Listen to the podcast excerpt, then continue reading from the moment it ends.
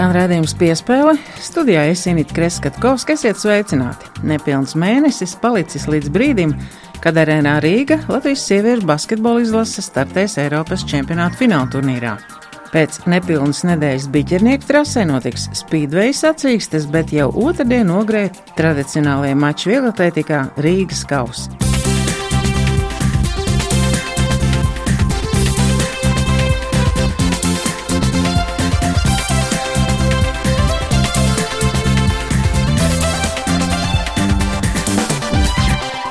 Daudziem vēl atmiņā emocijas, ko saņēmām Eiropas čempionātā basketbolā sievietēm, kas Latvijas galvaspilsētā notika 2009. gadā.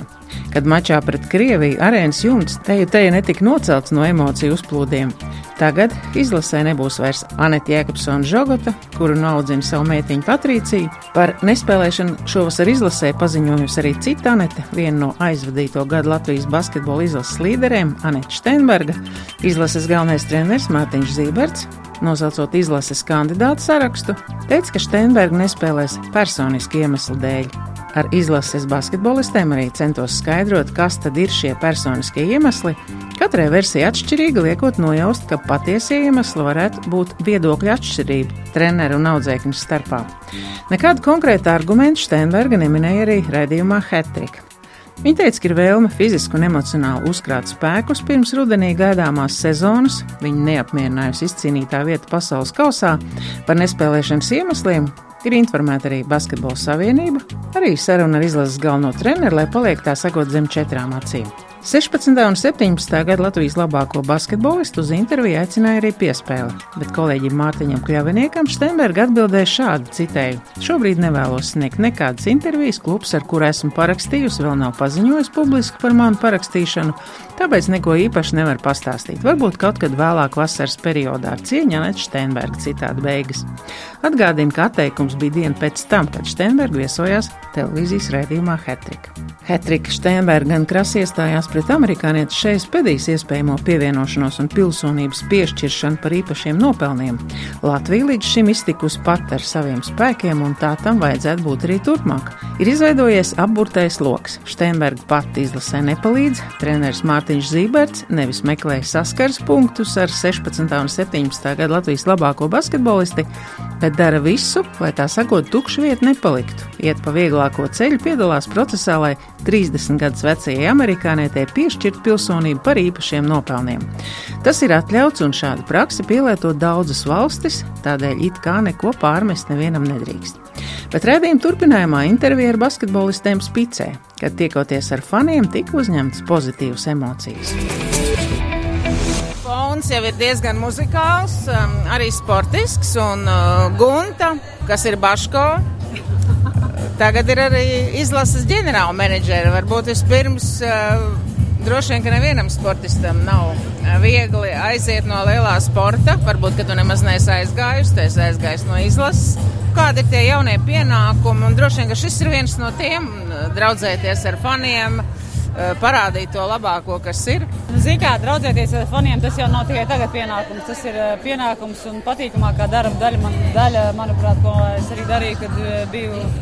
Kad biju aktīva sportiste un sportoju, un tāpat es jau sportoju, bet, protams, mazāk. Bet, principā, ļoti svarīgi ir, lai mums ir tā šī, šī komunikācija ar mūsu atbalstītājiem, mūsu faniem, ar mūsu draugiem, jo mums viņus vajag. Viņi ir tas sastais spēlētājs, un manuprāt, tas ir ļoti, ļoti svarīgi, ka mēs esam šeit, ka ir šī tāda īstenībā ļoti forša pasākums. Arī meitenes teica, ka baigi forši ir tāda sirdīga. Tad, kad um, Uļa beidza spēlēt un sāk nodarboties ar Olimpiešu sociālā fondu, viņai tolaik uh, pašai nācās iet, meklēt sponsorus.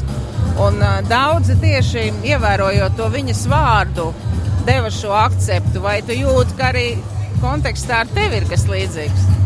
Nu, es ceru, ka tā būs. Protams, ir jāiet, jārunā un jāmeklē šīs, šīs iespējas. Un, eh, ja tas kaut kādā veidā spēs ietekmēt eh, cilvēku lēmumu, cilvēku lēmumu, tad es būšu tikai ļoti priecīga. Visa nauda vēl nav Eiropas čempions notikt, pie tā tiek strādāts, arī droši vien politiskās spēles. Tas ir tas, kas paliek ārpus um, spēlētāju domāšanas principu, ka tā nav viņa problēma. Nu, tā arī vajadzētu būt. Es domāju, meitenēm ir jāuztraucās un jādomā par to, lai viņas pēc iespējas labāk nostartētu. Mēs zinām, ka procesā ir arī TTT Rīga viens no līderiem šeit pēdējais pilsonības jautājums. Es gribu arī zināt konkrēti tavu viedokli, jo cilvēki dalās gan atbalstītājos, gan noliedzējos, jo daudziem šķiet, ka Latvijas izlasēji basketbolam ir jābūt, jāturpina šīs nacionālās ievirzes, bet es um, zinu, ka pasaulē arī tā ir atļauta lieta un daudz izlases to izmanto. Varbūt uh, uh, tavs emocionālais viedoklis un tavs uh, praktiskais, jo, protams, ka ik viens grib, lai izlase būtu labāka un spēcīgāka, bet ir arī bet. Es domāju, es pateikšu to viedokli, tas, ko es domāju. Un jūtu, varbūt kaut kādā veidā nedaudz atšķirās, bet uh, es gribu uzsvērt to, ka, ja šeit būtu komandā, es domāju, viņi viennozīmīgi varētu palīdzēt meitenēm atbrīvoties, eh, spēlēt varbūt atbrīvotāk un noteikti spētu dot uh, daudz ko, jo tas arī pierādījās pēdējās divās sezonās man Rīgā spēlējot, un es arī ar viņu spēlēt, esmu viņu iepazinusi, es varu teikt, ka viņi ir ļoti jau, jā, labs, labs cilvēks, labs cilvēks kā tāds. Es domāju, tas ir jāizmanto, un uh, es domāju, viņi varētu palīdzēt ko es gribētu aicināt skatītājus nākt un atbalstīt mūsu meitenes, jo uh, pati kā spēlētāji piedzīvoja 2009. gada to Krievijas pret Krievijas spēli, un es varu teikt, Nu, es tikai katrai novēlu tādas emocijas piedzīvot vēlreiz. Tāpēc, lūdzu, nāciet, atbalstiet mūs, būsim kopā. Tas lēni nāk, tas labi nāk. Sarunu mēs sākam ar Kristīnu Vītolu par ļoti labi noslēgtu līgumu ar um, nu, titulētu un slavenu komandu un basketbolistei. Karjeras plaukumā, laikam, tas ir ļoti būtiski. Jā, es, nu, es tur atgriežos tajā klubā jau otro reizi, un varbūt tad, kad es tur biju pirmo reizi, es vēl biju salīdzinoši jauna. Tikko iznākusi no koledžas un uh, pirmo gadu nospēlējusi Spānijas, arī vienā no Spānijas klubiem, un uh, varbūt gribēju uzlikt bišķiņu augstākā kā bija tā varēšana, un uh, tāpēc tur ilgi nenoturējos. Bet tagad es domāju, ka uh, ir bijis šī vairāk uzkrāta pieredze. Un, uh, un klubs man pazvanīja, klubs man vēlējās iegūt, un es domāju, ka tā ir lieliski iespēja man doties atpakaļ uz to vietu, kur man bija ļoti patīkami. Es domāju, tev ir laiks kļūt par vienu no izlases līderiem. Nu, jā, es domāju, 27 gados, tūlīt jau 28 ir laiks noteikti, un uh, es to esmu ilgi gājusi, un uh, cerēsim, ka izdosies. Um, ko tev nozīmē šāda veida pasākumi? Protams, šādi pasākumi prasa enerģiju, bet tāpat laikā cilvēki, kas te ir atnākuši, viņi ir tik pozitīvi uzlādēti un uh, vēlas šeit būt, vēlas mums nofotografēties un ir prieks. Un, uh, mēs noteikti cenšamies vairāk sasaistīties ar cilvēkiem, lai viņi nāktu uz mūsu spēlēm, mūs atbalstītu, jo mums tas noteikti ir ļoti svarīgi viņa atbalsts. Kā varētu veidot spēli ar šo sastāvu? Vai tu arī gribi izteikties kaut ko par šeju pēdējo, kāda ir tava attieksme? Par šeju es konkrēti neko nekomentēšu. Man liekas, ir ļoti daudz, kas izskanējis jau internetā, un visādas intervijas ir bijušas, un mans viedoklis ir zināms, manuprāt, tajā nostājā. Par šo izlasi tieši es domāju, ka mūsu spēks būs tās 12 meitenes, kas mēs esam vienlīdzīgas, mēs esam katra gatavi uzņemties un uh, visas kopā strādāsim, darīsim, visus uzticamies trenerim, treneru sistēmai. Un, uh, es tās intervijas neesmu lasījusi, es nezinu tavu attieksmi.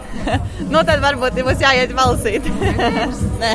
nu, tas jau tur jau nav ko teikt vai neteikt. Es uzskatu, ka basketbola ziņā tas. Uh, Tas mums ir varbūt šobrīd nepieciešams, jo viņa dod mums kaut kādu varbūt pienesumu, tāpat laikā palīdz, palīdz komandai bišķiņ varbūt vairāk atraisīties, izveidot kaut kādas situācijas. Viņi gan var nostrādāt gan labi, gan uzbrukumā, gan aizsardzībā. Tas ir vienkārši vēl viens cilvēks, kas strādās kopā ar mums un par visu Latviju. Es pilnīgi saprotu tos cilvēkus, kam ir grūti šo pieņemt, un tas ir tikai saprotams, un neviens šeit netiek nosodīts, bet tāpat laikā man liekas, ka tīri sportiskajā ziņā tas šobrīd ir tas, kas mums ir nepieciešams. Tāpēc uh, redzēsim, cerams, ka uh, vēl jau nav nekas pieņemts joprojām, un vēl viss tikai virzās, vai nezinu, cik tālu tas ir nokļuvis. Un, uh, tā kā būs jāgaida ziņas. Jā. Elīna Dika Laku kopā ar Mikiju. Mazs mīļš sunīts, nu tiešām izstāsta, tā, ka gribās sapājāt, vai to var dēvēt par dīvānu sunīti? Nu, viņš jā, tāds laikam kabatas sunīts, mums ir 1,3 kg. ļoti mīļa Mārtiņa. Nu, jā. Kā laiz man ar roku. Kā tev gāja sodmetienos šodien? Mums aug ļoti talantīga paudze. Es visiem esmu zaudējusi. Kā tev liekas, vai šāda veida pasākumi tas ir tas, kas jūs uzlādēs? Un... Es domāju, viennozīmīgi. Es arī domāju, tas tā kā popularizē basketbolu Latvijā, lai bērni nāk spēlēt un uh, arī atbalstīt Latvijas sieviešu izlasi, ne tikai vīriešu. Gaidot Latvijas um, mačus Eiropas čempionātā, kas tagad ir īpašs?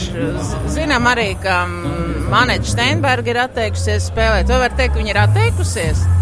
Es domāju, par Aneti vēl nav viss skaidrs. Es domāju, ir iespēja, ka viņa var atgriezties. Es ļoti arī ceru, ka viņa visu tur, kas viņai tur ir darāms, vai kādas problēmas, viņa visu atrisinās un viņa tā kā atgriezīsies, jo viņa ir ļoti gaidīta un viņa ir ļoti liels enerģijas avots uh, mūsu komandā. Bet runājot par sapņiem, Nu, mans sapnis ir viennozīmīgi tikt uz olimpiādi, jo es domāju, vārdiem ir spēks un mums vienkārši jātic, jātic sev, saviem spēkiem. Es domāju, ka nekas nav, nav neiespējams. Droši vien, ka arī šeit pēdējā varētu būt tā, kas palīdzēs komandai. Es jūtu, ka tas noskaņojums ir tāds, ka visi grib, lai viņi saņemtu šo pilsonību. Es nezinu, es nemācīšu pat komentēt. Īsti neesi nevienā, ne otrā pusē. Ja? Es nezināšu, ko jums pateikt, atbildēt. Zinu arī, ka Ziedonis Jansons pievienojas treneru kolektīvam. Visas meitenes uzreiz smaida. Vai ir tā, ka tas ir tāds arī pozitīvs?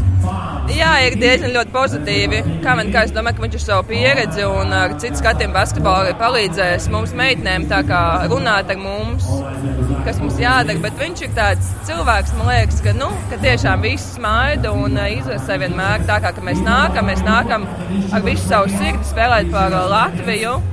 Un ļoti patīkami redzēt izlases sastāvā tāds cilvēks kā Ziedonis, kurš tiešām ar savu enerģiju un uh, pozitīvismu mūs atbalsta un ir kopā mums un dod mums forši tā kā labs padoms basketbolā. Labi, es vēlu veiksmi tev metienos izlasēji uzvaras un Mikiņam veselību. Paldies jums vēlas, paldies! Ilzi Jākapsone.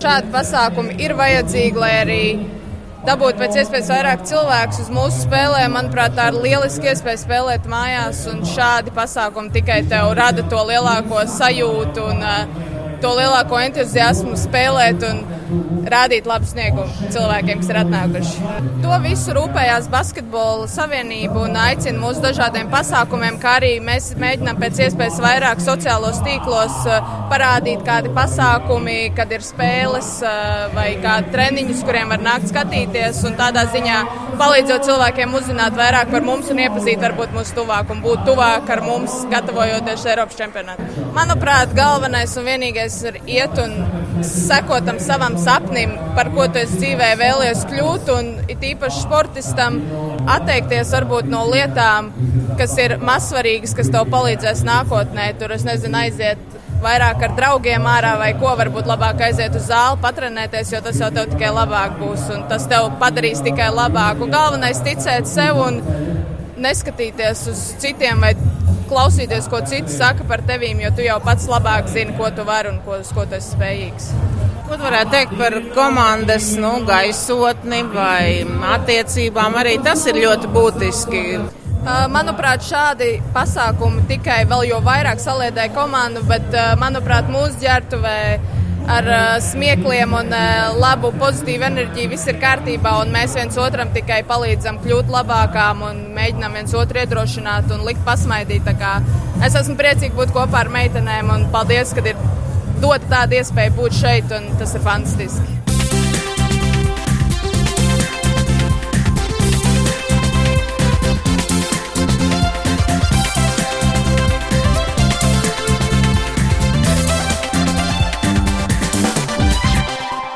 Skan redzējums piespēle studijā Isenita Kresa Katkovska. Startautiskās vieglatlētikas sacensības Rīgas kausi notiks 4. jūnijā, 6. vakarā Ogres stadionā. Un piespēles turpinājumā piedāvāja sarunas ar pasaules junioru ekšķempionu šķēpmešanā Gati Čakšu un Latvijas rekordistu 400 metros Jāni Leiti. Gatis Čakšs um, var apsveikt ar uh, jau iegūto kausu savu laiku. Nu, kādas ir šīs eh, domas vai izpildīt šo 8,5 metru olimpisko kvalifikāciju vai uzlabot personisko, jo droši vien, ka mazais solītis katram savs uzdevums ir. Šogad jāmēģina tieši arī izdarīt to, ka 85 metru piemēram, sasniegt, un, vai arī personīgo. Nezinu, vai tas būs Rīgas kausos vai kādās citās sacensībās. Protams, galvenais ir tajās pēdējās sacensībās to visu izdarīt, bet uh, pašlaik tiek gatavošanās. Un, jāskatās, kā būs. Laikam Vācijas čempionātē ir tāds labs motivators, jums ir uzlikuši augstu latiņu.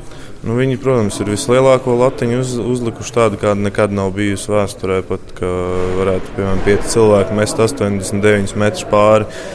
Un, protams, arī dēļ viņiem var redzēt, ka visā pasaulē viss sāk cīnīties vēl vairāk, vairāk nu, sāk rezultātus jau mest tālāk. Jo Viņi ir tāda motivācija visiem pārējiem. Arī jums konkurence šajās sacīkstēs ir eh, daudz spēcīgāka par jums uz papīra. Eh, cik tas dzīvē pierādījies, vai tas tiešām ir tikai uz papīra? Protams, ka tur būs arī viens vācu sportists, kurš ir eh, tagad sasniedzis tos rezultātus, un viņš noteikti ir formā un gatavojies.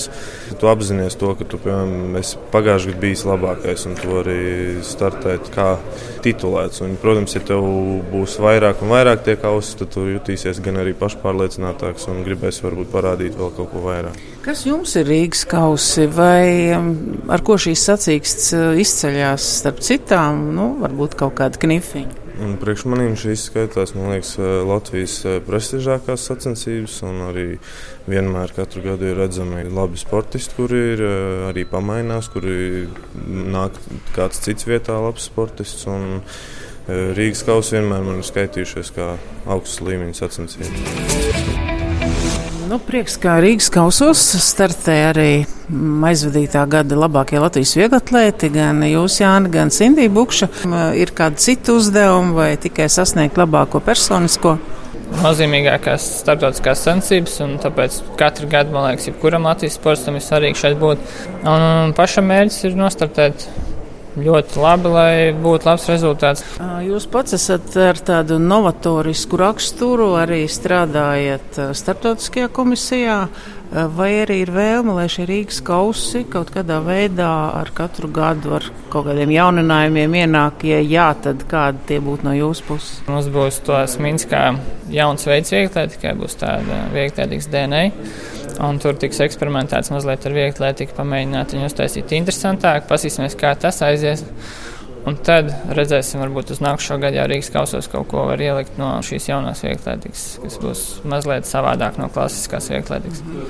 Kādā no pēdējām intervijām jūs teicāt, ka iespējams šis tituls, ko jums piešķīra gada labākais vieglatlēts, nu, arī rosinās un motivēs uh, sponsors pagriezt labo vaigu, vai tas tā ir noticis? Viens personīgs sponsors uzrādījis, kas palīdz. Un, un tas bija tieši no pēdējās intervijas, ko viņš bija dzirdējis un izdomājis, ka vēlās palīdzēt. Bet būtiski nav mainījušies apstākļi. Par šo darbu starptautiskajā komisijā jūs teicāt, ka esat viens no tiem, kam nav tie skaļie tituli. Tas ir liels gods. Kāda tur ir vēlme sev pierādīt? Man liekas, ka tur es aizstāvu to sportistu daļu, kas ir tāda līmeņa sportists kā es, kas ir, teiktu, Eiropas vidus un bišķiņu virs vidējā līmeņa. Mēs esam tuvu fināliem. Savukārt mani kolēģi šajā darba grupā ir visi, kā jau minēju iepriekš, arī ir visi olimpiskie medaļnieki, pasaules čempionāta medaļnieki, arī katrā mums sapulcē mēs tiekamies, un viņi tikko, piemēram, tikko pēc Eiropas čempionāta telpās, nu, trīs cilvēkiem ir zelta medaļas, nu, es varu pateikt, kas bija pusfinālā. Bet uh, es redzu, varbūt citas problēmas, kas saistās ar tādu veidu sportistiem, kā, kā es. Piemēram, tā elitei tā nav problēma. Viņi tiek pie dimanta līgām, viņi tiek visur, kur viņiem vajag. Tāda līmeņa sportistiem kā man. Un kas ir tas lielais vairums, jo elite jau ir maz. Nu, katrā treniņos profesionāls, bet principā amatieris. Jā, tie profesionāļi, cik pasaulē ir, nu, katrā disciplīnā astoņi būs tādi nu, elite, elite. Bet ar vieglietību nodarbojas miljoniem cilvēku. Un, lai viņi nemūk projām, nu, ja mums startēs tikai astoņi cilvēki katrā veidā, nu, ir jādomā gan Latvijā, gan arī starptautiskā veiklā, tikai šobrīd, man liekas, diezgan grūti. Tāpēc, kad ir jāsāk domāt, kā padarīt skatāmāku šo sporta veidu, kā tikt līdz laikam, jo mēs esam tā kā klasiskā mūzika. Es arī pieļauju, ka pēc mīnus būs ļoti daudz negācijas un, un pozitīvas lietas, bet nu, tad būs jāizvērtē, kas ir tas pozitīvais, ko varbūt vajadzēs pamainīt, bet nu, kaut kur ir jāsāk, tur tas ir jāpamaina. Viņš bija tāds motivators, ka es arī gribu būt tur, kur ir viņš un darīt to, ko viņš dara. Visiem spēlētājiem mēs ticam, gaidām, un, un vēl nekas nav beidzies. Vismaz viens spēle mums noteikti. Jā.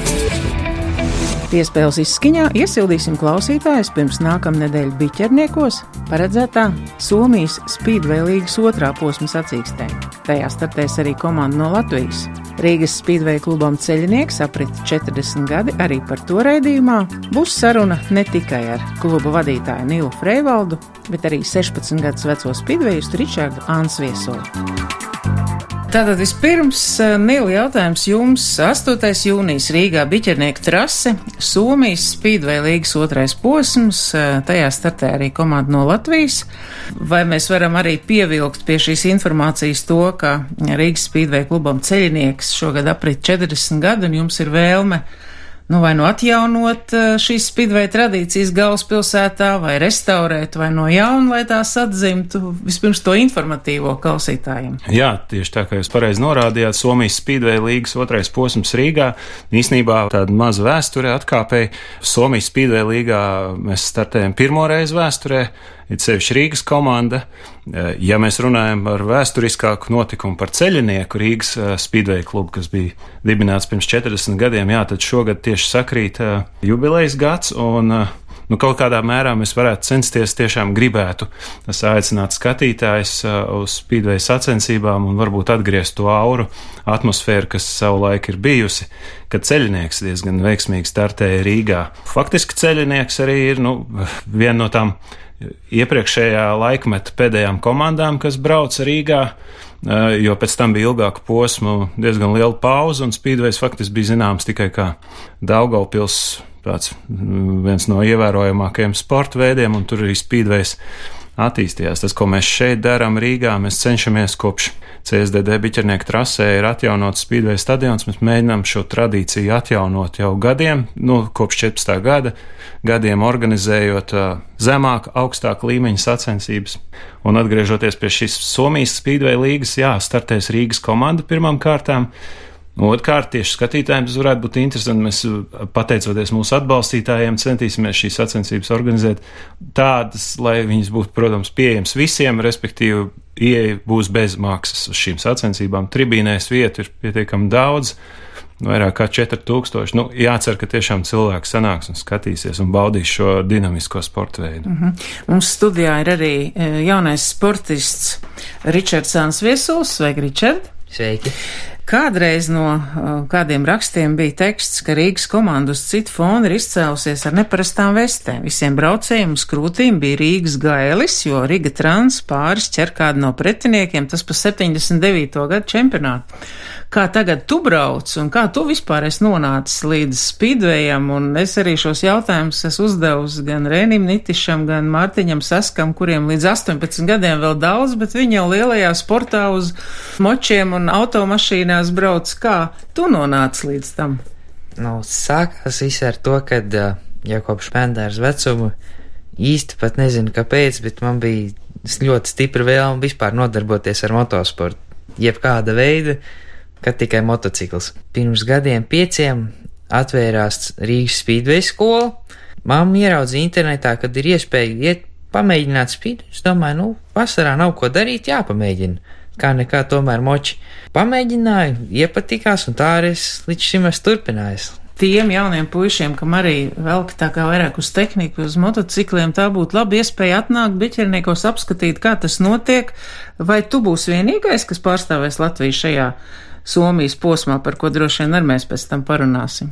Klīst baumas, kad būšot arī no Daugavpils pieaicināti sportisti, kas arī pārstāvēs Rīgas klubu. Braukšu ar savu tehniku, mehāniķis ir uh, palīdz treniņos tieši braukšanas laikā un sacensībās dara visu, kad man tiešām tā kā lielam sportistam tikai jānobrauc un viss. Ikdienā es pats mazgāju moci, pats taisu, pats ķimerējos ar viņu. Un...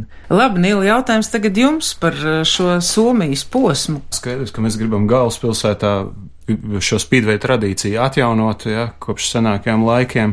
Saistībā ar Ričārdu mums, uh, pateicoties faktiski mm, Rīgas domas bērnu jauniešu centram, Ausekls faktiski iedibinājās tāda kā spīdveida skola jau nopietnākā līmenī.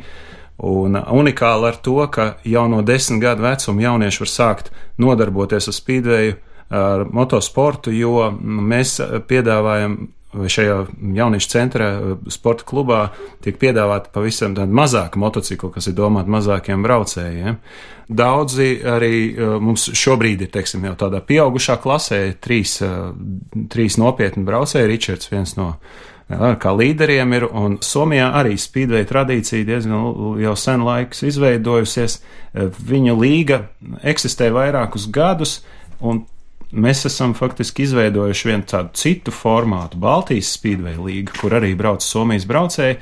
Nu, un šīs sadarbības rezultātā viņi nāca klajā priekšlikumu tieši Rīgas jauniešiem startēt Somijas līgā. Kas ir tie, kas treneru funkcijas pilda? Vai arī e, video, vai nu, arī mūsu daugopilieši tie, kas var dot šos padomus, jo vēsture liecina, piemēram, ka rīdzinieks Elmārs Krūz un Edgars Jansons bija starp pirmo spīdvēju sacensību dalībniekiem jau tālajā 58. gadā. Kas ir tie, kas tev māca un kas tev ir varbūt telki sporta veidā? Man uh, pats pirmais treneris ir arī vēl joprojām treneris un uh, tas, kas arī šobrīd māca visus pārējos puikas, Antonija Kušels. Viņš arī kādreiz brauca ceļnieku komandā. Māca daudz cilvēku, bijušie braucēji, visi, protams, Rīgā, kas nāk palīgā uz treniņiem, māca stāsta. Tas pats ir Daugopilī aizbrauc, un uh, vietējie pārsvarā jau, kas bijuši, izbijušie braucēji, nāk, māca, stāsta, palīdz. Vai tev ir jau tāds uh, sporta stūrītis, kur tu glabā? Jā, istabā ir iekārtots skapīts ar diviem plauktiem. Pāris kausi ir, bet uh, konkrēti spīdvejā viņi gan vēl pagaidām ir mazi. Kopš 14. 2014. gada, kad ir uh, spīdveja stadions rekonstruēts, ir, uh, mēs esam centušies un ir veiksmīgi izņemot vienu neveiksmīgu gadījumu, kad bija ļoti liels lietus, un tad jebkurš stadions nebūtu spējīgs uzņemt sacensības. E, pārējās viss ir notikušas veiksmīgi. Cita lieta, vai tik ļoti apmeklētas, nu, tūkstots, pusotrs vai divi tūkstoši apmeklētāji, nu, faktiski jau arī tiešām liels, liels rādītājs, bet uh, stadionā, biķernieku trasē, pirmām kārtām notiek treniņi zēniem, divas aptuveni varbūt trīs reizes nedēļā, un sacensības sezonas ietvaros šogad. Atgriežoties pie naudas jautājums, varbūt nav veicies tik ļoti ar atbalstītājiem. Tad mēs organizējam trīs posmus. Viens no šiem ir 8. jūnijā, tad mums ir 13. jūlijā un uh, vēl beigās 28. septembrī. Jau tās ir sacensības, jā, bet pārējā laikā, faktiski ikdienas režīmā, ja nav spēcīgi nokrišņi, tad, tad notiek treniņi un, un nu, cenšamies tur to dzīvību atgriezt, nu tā jau tur faktiski arī eksistē stadionā. Mm -hmm. Kā tu sabalansē vēlmi braukt ātri ar to risku, ko nedrīkst sarkano līniju pārkāpt? Jebkurā kā darbība trasē ļoti, teiksim, riskanta, un tas risks līmenis samazinās, pieaugot meistarības līmenim. Piemēram, pirms gadiem diviem es brauktu krietni lēnāk, un tas risks man būtu tieši tikpat liels kā tagad, braucot krietni ātrāk. Braucot trasē, par to nedomā. Tas nestāv galvā, paliek boxā. Viss risks un bailes paliek boxā. Izejot uz trases ārā, piemēram, izdara maksimālo un neiedziļinās. Uh, mierīgi, bet mamma ar tēvu droši vien nevar mierīgi skatīties, kā dēls brauc. Nu, mamma pēdējās reizēs pat vairs uz sazensībām nenāk.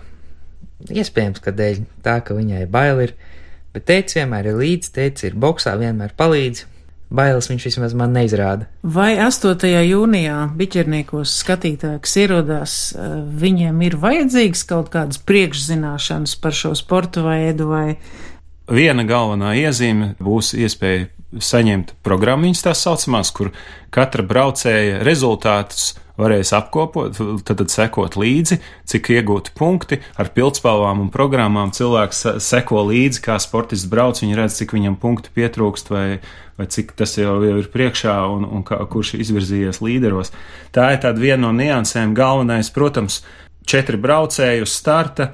Tas viss tiek fiksēts, viņiem ir vairāki braucieni, viņi savā starpā tiek mainīti, tad viņi brauc viens ar, ar otru respektīvi mērojas spēkiem ar visiem, visām komandām, visiem braucējiem. Un mhm. 8. jūnijā, 2015. mēs sākam sacensības. Pirmkārt, mēs sākam sacensības ar 125 kubikcentimetru klasi.